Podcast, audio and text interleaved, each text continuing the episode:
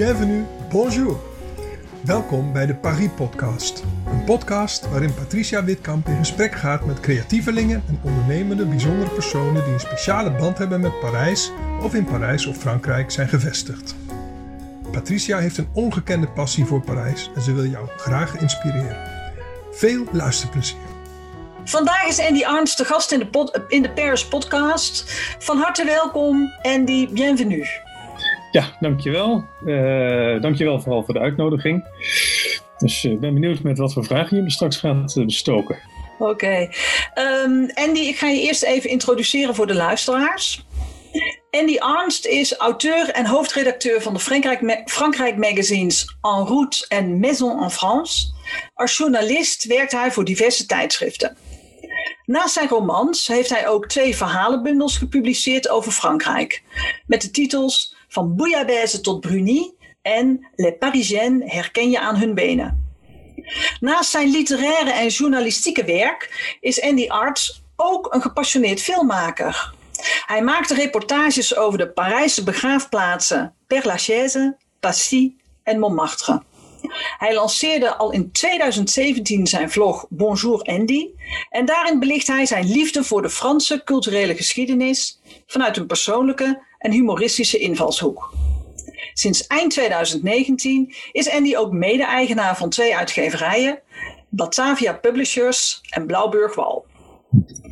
Andy, mijn eerste vraag aan jou is: hoe is jouw liefde, jouw passie voor Parijs en Frankrijk ontstaan?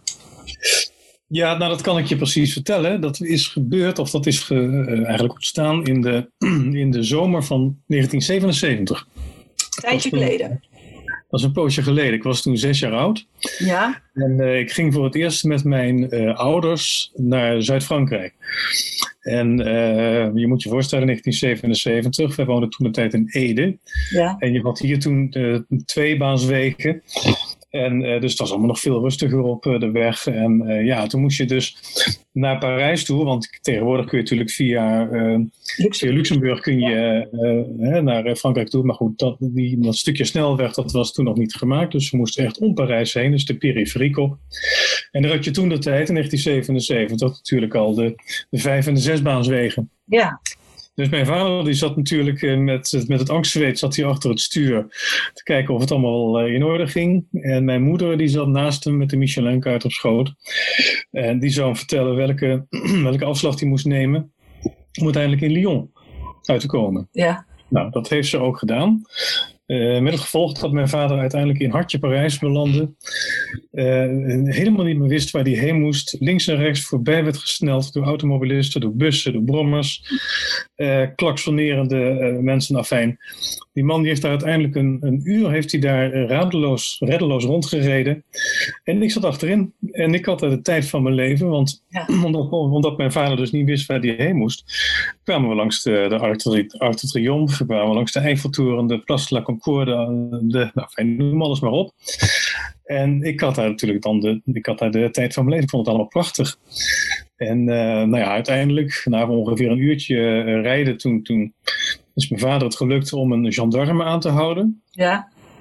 En toen heeft hij aan die gendarme ge gevraagd van, joh, ik, ik, ik weet niet hoe ik hieruit moet komen. Kun je me misschien helpen? Jawel hoor, zei die man.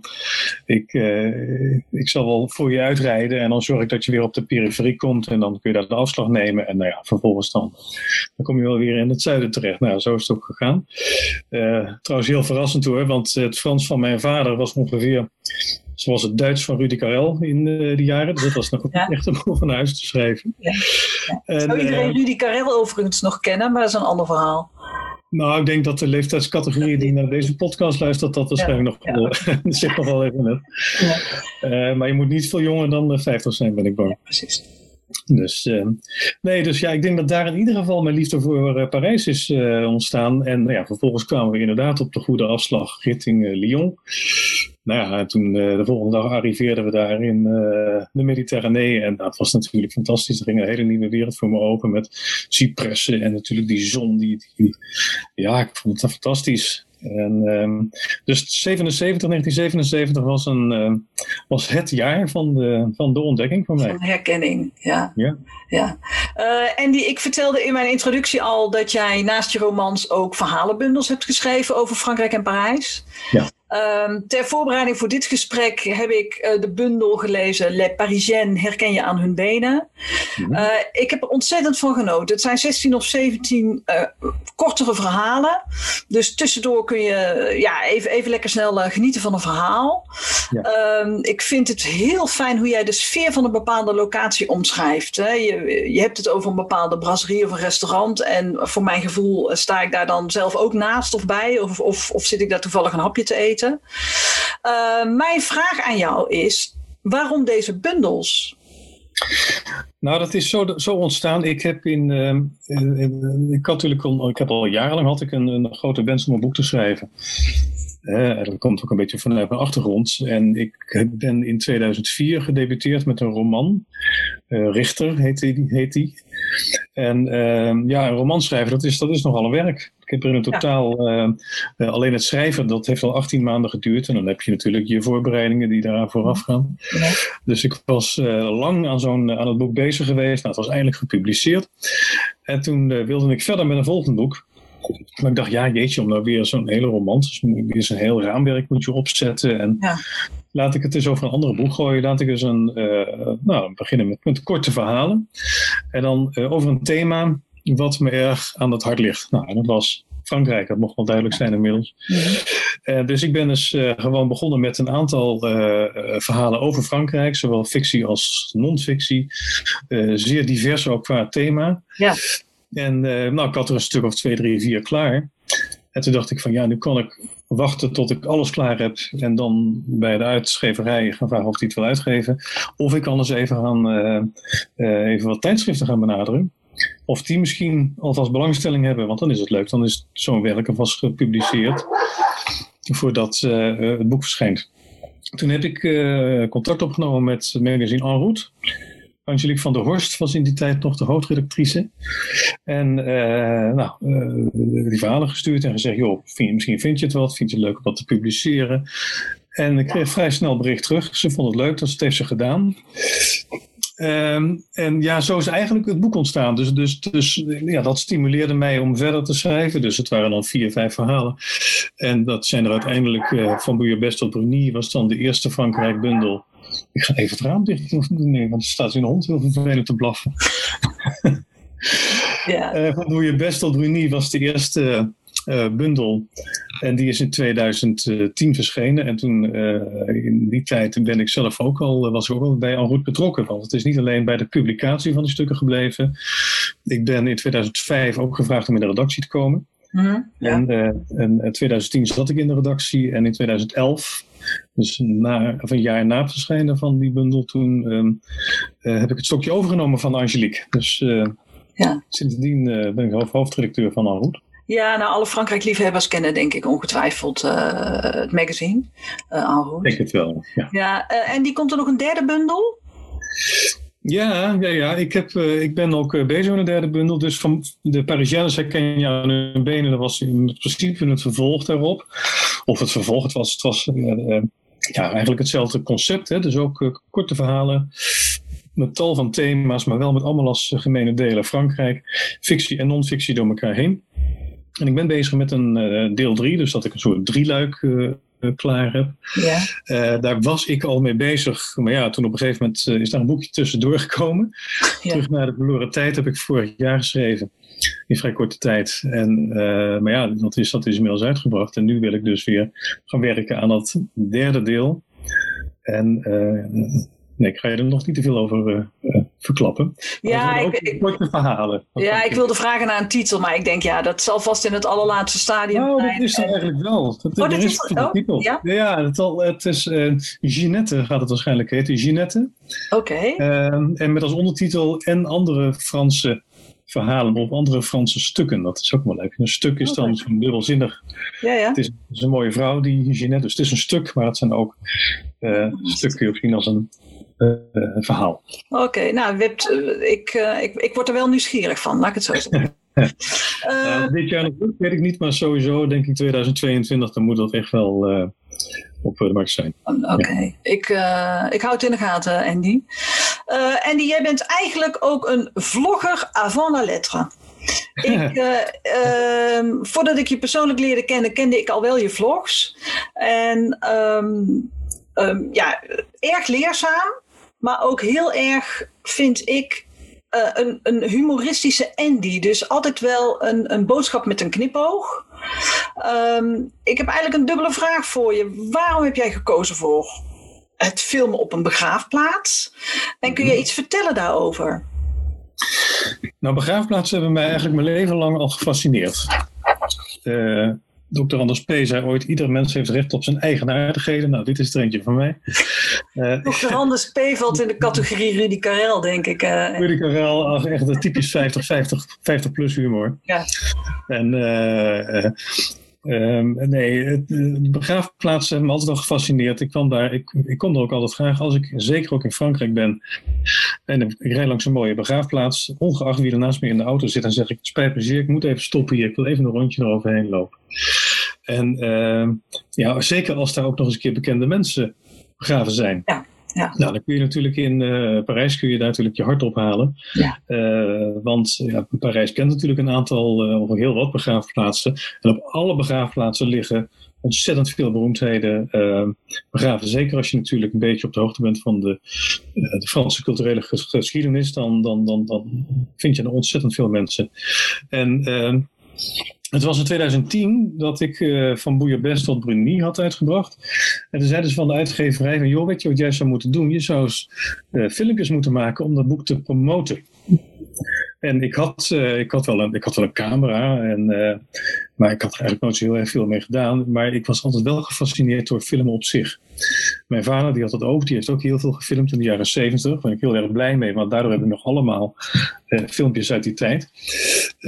van de vakanties in Frankrijk. En toen ben ik eens gaan filmen, ook in Zuid-Frankrijk. En toen dacht ik later van ja, ik ben, ik ben zo dol op Parijs. En op die begraafplaatsen waar ik zo graag kom. Laat ik eens documentaires gaan maken over die Parijse begraafplaats.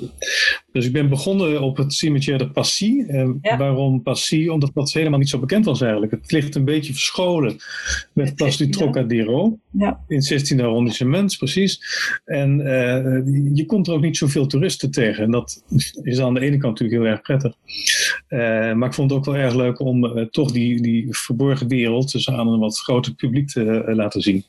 En daar heb je nou ja, bijvoorbeeld Fernandel, de komiek die je ook alleen maar kent als je boven de 50 bent. Ja. Uh, beetje uit de tijd van Louis de Funès natuurlijk ook. Uh, Fernandel, die ligt daar begraven. Uh, de grote componist, een van mijn favoriete componisten, Gabriel Fauré.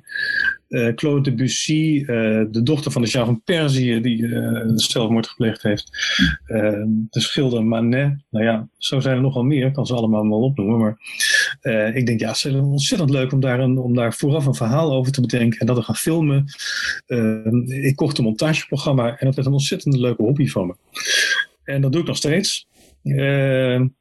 het is alleen wel zo dat ik ik heb dus een passie gefilmd. Ik heb, daarna heb ik een film gemaakt over het kerkhof van Montmartre. -hmm. waar natuurlijk ook ontzettend veel uh, beroemdheden liggen. Daarna ben ik, uh, wilde ik een drieluik gaan maken van Père Lachaise. Dan heb ik de eerste twee heb ik ook afgemonteerd. Alleen de derde, dat is, dat is er gewoon nooit van gekomen. Ik ben ook gaan filmen op het cimetière de Saint-Vincent. Dat ken je denk ik ook. Dat ligt net op, bovenop Montmartre ligt dat. Een heel klein begraafplaatsje. ik ben op de begraafplaats van Auteuil geweest. Uh, dat ligt helemaal in het uh, westen van Parijs. Er liggen allemaal filmopnames, die moet ik eigenlijk allemaal nog monteren. Ja. Alleen, het is nou het geval, dat is uh, zeker tien jaar geleden gebeurd, filmen. Dus ik ben in de loop van de tijd ben ik wat grijzer geworden. dus als ik het nu ga monteren, dan zeggen ze: Ja, kom, Arns, dat, dat ben jij niet meer. Dat is een hartstikke oude film. Dus ik moet weer terug naar Parijs om het allemaal opnieuw te doen. Oh, nou, dat is eigenlijk wel een heel erg goed excuus om terug te gaan. Uh, ja, je moet, maar goed, Parijs is natuurlijk altijd wel een uh, excuus. Hè, om, dat is toch een bekende uitspraak van Paris is, all, is always a, a good excuse. Hè? Ja, always a good excuse. Dat is een of andere film, geloof ik. Yeah. Of always a good idea. Um, ja, ja. Ik vind het wel van even leuk om daar nog even iets over te zeggen trouwens. Want uh, uh, officieel mag dat dus niet. Hè? Je mag daar helemaal niet, niet filmen. Uh, maar goed, je weet hoe de Fransen zijn. Als je toestemming vraagt, dan weet je zeker dat je het niet krijgt. Ja. Vraag je het niet en ga je daar gewoon met je cameraatje naartoe, dan, dan, dan laten ze dat oogluikend toe. Nou, dan denken ze dat je vergunning hebt. Dan denken ze waarschijnlijk dat je een vergunning hebt. Of, maar het is wel zo, dat, uh, dat, is heel, dat is heel absurd eigenlijk als je daar gaat filmen met je statief, dan komen ze naar je toe en zeggen ze, ah, meneer, dat mag niet. Want dan denken ze, of tenminste, dan kan het professioneel zijn. Ah, oké. Vanuit de hand filmt, dan is het goed. Wat natuurlijk onzin is, want je kunt vanuit de hand net zo goed filmen als vanaf statief. Dus, uh, of, of je zet je camera op een grafsteen en dan kan het ook. dus dat, uh, dat, dat ik vond het een hele, hele aparte dingen daar wel uh, mee, meegemaakt op de begraafplaats. Ja. Tijdens het filmen. Ja, superleuk om te horen. Um, en die tot slot, zie jij jezelf, hoe zie jij jezelf als een realist? Of als een romanticus? Of, of, of hoe kan ik jou plaatsen? eigenlijk allebei. Ik ben een realist in die zin dat ik. Dat ik kijk, je hebt mensen die hebben een bepaald levensmotto. Hè, die zeggen van. Uh, uh, een dag niet gelachen is een dag niet geleefd, weet je wel, van dat lichtzinnige gedoe, daar hou ik allemaal niet van. Uh, ik ben een realist in die zin dat ik, dat ik nooit blind mijn dromen zal najagen. Dus ik, ik heb natuurlijk wel allerlei idealen en dromen, maar er zit toch altijd wel iemand in mijn hoofd die zegt van, joh, dat moet je gewoon niet doen, want dat wordt niks. Of uh, uh, dat kost je te veel tijd. Of, dat, uh, wat, ik, wat, ik, wat ik wel van belang vind, is dat ik altijd probeer om het beste eruit te halen uit, uit mezelf. En voor zover het tenminste boven mijn vermogen ligt. Hè? Want je hebt natuurlijk je leven niet volledig in, in eigen hand. Je kunt het enigszins sturen. Dat wel. Maar uh, uh, ja, je leven is ontzettend afhankelijk van, van bepaalde facetten. Wie, wie ontmoet je, uh, nou, et cetera, et cetera. Ja. Dus uh, wat dat betreft ben ik uh, de realist, Andy, maar er is ook de romanticus. En dat zie je natuurlijk heel erg terug in mijn boek. Uh, als je dus, nou ja, bijvoorbeeld in mijn, in mijn laatste boek, uh, Terug naar de verloren tijd, komt dat heel erg terug. Daar zie je dus een combinatie van die twee tegenpolen. Aan de ene kant ehm, dat ik een hele nuchtere blik heb op de wereld. Zoals die nu is, die dus eigenlijk wordt, wordt volledig wordt beheerst door sociale media en ja. Uh, je wordt van allerlei kanten wordt je, wordt je een bepaalde richting op geduwd. En dan moet je natuurlijk proberen om dat, ja, toch je eigen ik uh, erin te, te handhaven. Maar er is ook de romanticus en die heeft een ontzettende heimwee naar de verloren tijd. En dat is ook de reden waarom het boek zo heet. Hè, terug naar de verloren tijd. Uh, je hoort vaak, joh, je moet meegaan met je tijd. Nou, dat vind ik, vind ik onzin, want je kunt je eigen tijd ook zelf bepalen. Bovendien zijn, um, vind ik dat heel veel zaken vroeger gewoon beter waren dan nu. En vanuit die heimwee, heimwee naar die verloren tijd, is denk ik uh, ook een beetje die Frankrijk-liefde ontstaan. Ja. ja. Um, als ik denk aan Frankrijk, en dat geldt denk ik voor heel veel uh, Frankrijk-liefhebbers, dan denk je niet aan, à la Défense bijvoorbeeld. Dan, dan ga je niet aan die wolkenkrabbers denken of aan andere moderne wijken of aan de, nou, uh, zeg maar, de buitenwijk van Parijs. Dat is, dat is niet het, het Frankrijk wat je dus zoekt. Ehm, wat, wat ik zoek, dat is de, de grandeur. Ja. En dat is een beetje de romantische inborst die ik, heb, die, ik dus, dus heb. Van dat, ik ontzettende voorliefde heb voor wat er allemaal is gedaan en gemaakt in de 19e eeuw dus dan heb je het over uh, uh, nou ja, de bouwkunst, de schilderkunst. Uh, er werd prachtige muziek werd er gemaakt. Je ziet het ook terug in de, de filmpjes die ik gemaakt heb. Dat het, zijn, het zijn heel veel kunstenaars uit die tijd die ik belicht, waar ik bij op zoek ga. Ja, en eten en dus- drinken komt ook steeds voor bij, steeds voort of terug in, in, je thema's. Maar ik, ik denk ook wel dat heimwee, heimwee hoeft natuurlijk ook niet een negatief woord te zijn. Ik denk dat het vooral nee verlangen nee, dat is zeker niet. herinneringen of zo? Uh, uh, ja, kijk, op een gegeven moment dan, dan ga je natuurlijk een hoop lezen in je leven ook. En je gaat heel veel ontdekken. Je ziet bepaalde films. En um, dan, dan, dan weet je gewoon dat de re realiteit is niet alleen hetgene wat je ziet. Dat is ook wat, wat, wat achter je ligt. En wat andere mensen hebben meegemaakt, waar anderen over hebben geschreven. En dat was uh, toen ik Parijs ben gaan ontdekken als jongen van, uh, nou ja, wat was ik 17, 18, dat ik alleen naar Parijs ging. En uh, toen had ik een hele, ik had, ik had een meter lang Frankrijk, of nee, sorry, Parijs boeken. Ja. Die ik allemaal gelezen had. En ik wilde dat allemaal gaan zien, ik wilde dat allemaal gaan, gaan proeven, gaan beleven. En uh, uh, maar goed, dat is eigenlijk, ja, sommigen zeggen dat is het herkauwen of het nakouwen van de gedachten van anderen. Uh, dat vind ik helemaal niet. Het is juist het ontdekken, dankzij het feit dat anderen dat allemaal hebben gezien en beleefd. En dan ga je vervolgens zelf ga je daar je eigen mening over vormen. Ja, en je kijkt uiteindelijk ook met je eigen ogen, Andy. En, en, en ik, ik, ik, merk aan mijn gasten als ik, met, als ik met ze in Parijs ben, dat afhankelijk van of ze al een vroege herinnering hebben aan Parijs, hè, net zoals jij die hebt, hm, dan, dan beleven ze dat heel anders dan wanneer iemand uh, die gevoelens niet heeft. Dus ik, ik denk zeker dat die, die vroege ervaringen in Parijs of in Frankrijk een rol spelen in hoe je, in hoe je dat nu ziet en hoe je ook de veranderingen in de stad ziet. Dus, ja, uh, ja, ja nee, dat is zeker, uh, dat is zeker, zeker waar. En, en ik, ik, moet je zeggen, ik ben al, ik ben al een hele poos niet meer geweest. Ja, dat heeft natuurlijk ook te maken met uh, de, de, lockdown. Er valt op dit moment niet veel te beleven daar in, uh, daarin, daar in de lichtstad. Ja. Maar ik kan niet wachten om een keer te gaan kijken daar. Al is het alleen maar weer om te gaan filmen. Precies. Um, nou, laten we, het, laten we het daarbij houden, Andy. Ja. Ik wil je hartelijk bedanken voor dit gesprek. Een grand merci. Uh, nou, zoals je al zei, hè, ik hoop dat we allebei alweer snel op pad kunnen. Tot die tijd laven wij ons aan de literatuur. Ik, uh, ik wens jou alle goeds voor je, hè, alle goeds voor je, zowel privé als zakelijk. Ja, dank en um, ja, tot de volgende keer. À la prochaine. Gaan we zeker doen. À la prochaine, uh, Patricia. Dankjewel voor het luisteren naar deze Paris-podcast. A bientôt!